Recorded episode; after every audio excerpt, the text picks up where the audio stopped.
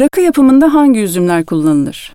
Ülkemizde yetişen her türlü üzüm kullanılabilir. Ancak sultaniye, misket, razaki, boğazkere ve öküz gözü gibi tek bir cins üzümden yapılan rakılarda monosepaj rakı olarak adlandırılabilir.